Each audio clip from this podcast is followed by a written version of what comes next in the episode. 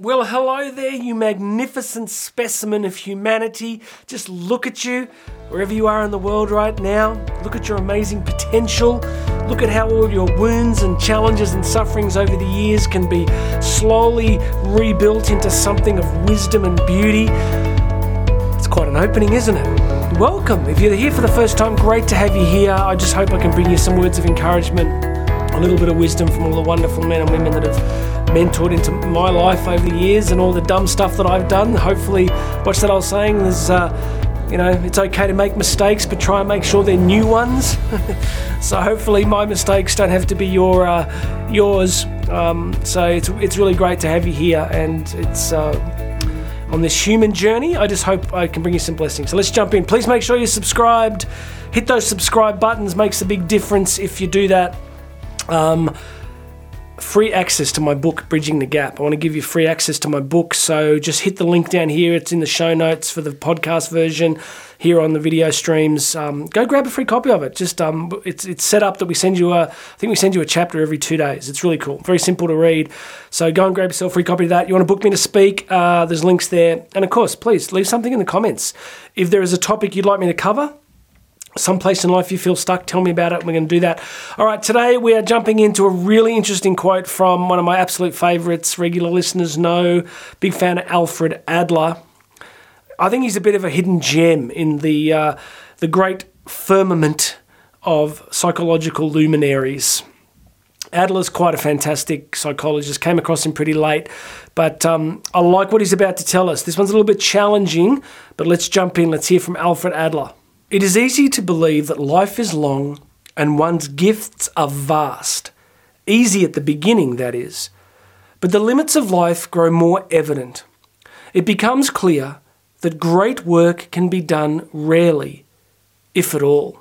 When I first read that, it seemed really depressing. It was like, so what, Alfred? Like none of us, like the chances of any us, any of us doing anything really great is like slim to non-existent. That's not what he's saying. And this one's really important. What he's saying is, I think you'll agree with this. Do you remember when you're really young? And I don't know, I've got a really diverse mix of, of viewers and listeners. So when we're very young in life, you know, we can tend to feel that the opportunities are vast. I've been, I've been reading the book The Dream Giver. I might talk about that next week. And, you know, it's the idea of uncovering the dreams that are within, and I was doing some sort of maintenance on the dreams of you know, hopes and goals in my own life. And I was working through it, and I thought, what what did I really want to do or be when I was younger? And I remember I wanted to be a spy. I wanted to be an F 18 pilot. I just saw the new Top Gun Maverick film the other day, and I'm like, that could have been me. All right. Um, there's all these different things that I kind of thought I could could have done and could have been, right? So when you're young, I think we have this innate sense of we can do anything, which is part of the beautiful thing about being young, right? But as we get older in life, like, you know, when you get to a certain age, you start to realize that there are legitimately a bunch of things that are pretty much closed off. So the further you walk down the path, at least of your professional life, that you begin to realize that there are things that would be hard to, to take up and make great work out of, right?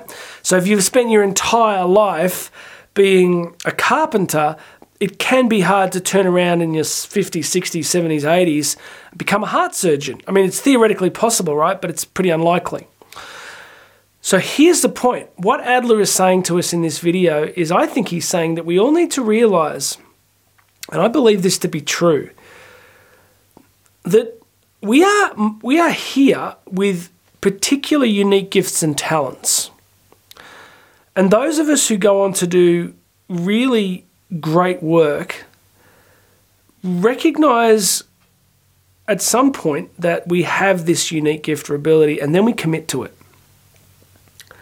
Let me clarify what great work can look like. I was reading a biography of Mozart recently, and it's just it's just extraordinary. But you know, to be fair, Mozart also had a father who was a court musician. So he was born into a family that had access to the greatest musicians of Europe at a time of phenomenal artistic flourishing in Europe, right? So there's Mozart is a, a, prodigy. He was brilliant, especially at a very young age.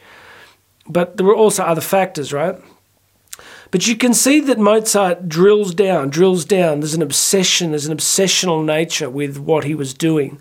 So he takes the raw talent, commits 200% to it, and then does great work. But here's the thing you can do the same as a nurse. You can do the same as a carpenter. You can do the same as a landscape gardener. You can do the same as a teacher. So I don't think there's a hierarchy of giftings. I really don't. I think culturally we have one. I think culturally we go, wow, look at this brain surgeon. Wow. Yeah, look, brain surgery would be pretty hard. But so is being an amazing teacher. So is being an incredibly empathetic nurse. Can we rate them? What criteria would you rate them by? You know, yeah, I, I get. I guess there is complexity, but you see where I'm going with this. That great work doesn't have to be classified necessarily by some stratified cultural hierarchy of what makes the most money. So, what I think Adler's trying to say to us is, or say to you and me, is if you have been given a gift, and here's a spoiler, you have. I'm deeply convinced of this that all of us have been given a kind of unique, unique capacity for certain things. I've been really working through this post COVID. I've been really praying a great deal and seeking the wise counsel of some very special people to help me recommit to the work that I kind of feel I've been given to do. Whether my audience is two or 200,000, right? You know, I've, I've, as I said in a recent episode, I've done keynotes for over 10,000 people. And I clearly remember doing a talk in outback in an outback mining town in Australia where we had two guys and a dog. the dog was very well behaved. So when I get up on stage or even here in the studio, when I get in front of this camera, like it's just something happens. I want to contribute, I want to give.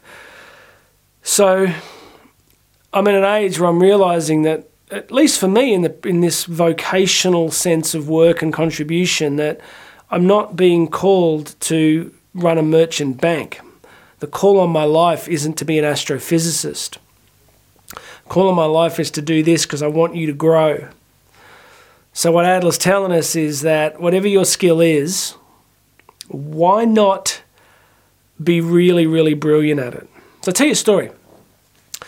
When I did that keynote for 10,000 people in St. Louis, I remember sharing a story from one of my favorite films. And if you haven't seen it, it's an amazing film. It's called A Man for All Seasons. It came out in 1965. It stars the British actor Sir Paul Scofield. And it tells the story of St. Uh, of St. Thomas More, who was an historical figure, of course, and he was the, uh, the Lord High Chancellor of England, one of Henry VIII's right hand guys. And and eventually fell into this uh, complex thing with Henry VIII and um, refused to give Henry VIII what he wanted and paid the ultimate price for it. But there's a scene at the start of the film where Thomas More is talking to a young man called Richard Rich. Richard's a school teacher who works uh, in the courts of Henry VIII as a like a tutor or a teacher. And Richard Rich is frustrated because he doesn't really want to be a teacher. He wants to like be really powerful and get in all the games and get promoted and get into all the court politics. And there's this beautiful moment where Thomas More says to him, he said, Rich, like, you know, you're a teacher. He said, why not be a great one? And Richard Rich turns to him and says, but who would know? So Richard Rich's frustration is he wants to be seen, he wants to be famous and successful. And Thomas More gently reminds him that there is this, you know, well, this is what Thomas More says. You know, when Richard Rich says, "Who would know?" St. Thomas More says, "Well, your students would know, your friends, your parents, God." He said, "That's not a bad audience, Rich. It's not a bad audience." And you see, he's going straight to the heart of that truth that there's a skill there. And the call on Richard's life is to develop that skill and not to develop different ones. So I just want to say to you, wherever you're at, whatever you do, if you're deeply miserable and unhappy in doing it, then I would really encourage you to think and pray about changing. Because life is relatively short, and Adler's going, as you get older, the options shrink. So if you're utterly miserable right now, then I would consider prayerfully discerning what you think is on your heart to do. If you're in a space where you are you feel that you are using your talents and gifts, then I would say to you, why not take it to the next level, right? Why not get why not do something great with it? Create great work. Now, great work for a primary school teacher is not going to be seen on the national stage or the international stage. Great work for a Hollywood film producer might be. But you know what the difference is? There isn't one. There just isn't a difference. It looks like there's a difference because it gets different forms of recognition, but great work using the talents that you've got is great work. As a parent, like if one of my kids has a talent and another kid has a more spectacular talent that gets more recognized, you know, do you think I go to my other kid, wow, that's that's not bad, it's not a bad talent, but if you see what your brother can do, wow, that's a talent. Like, what kind of psychopath would do that? Um, and I don't do that.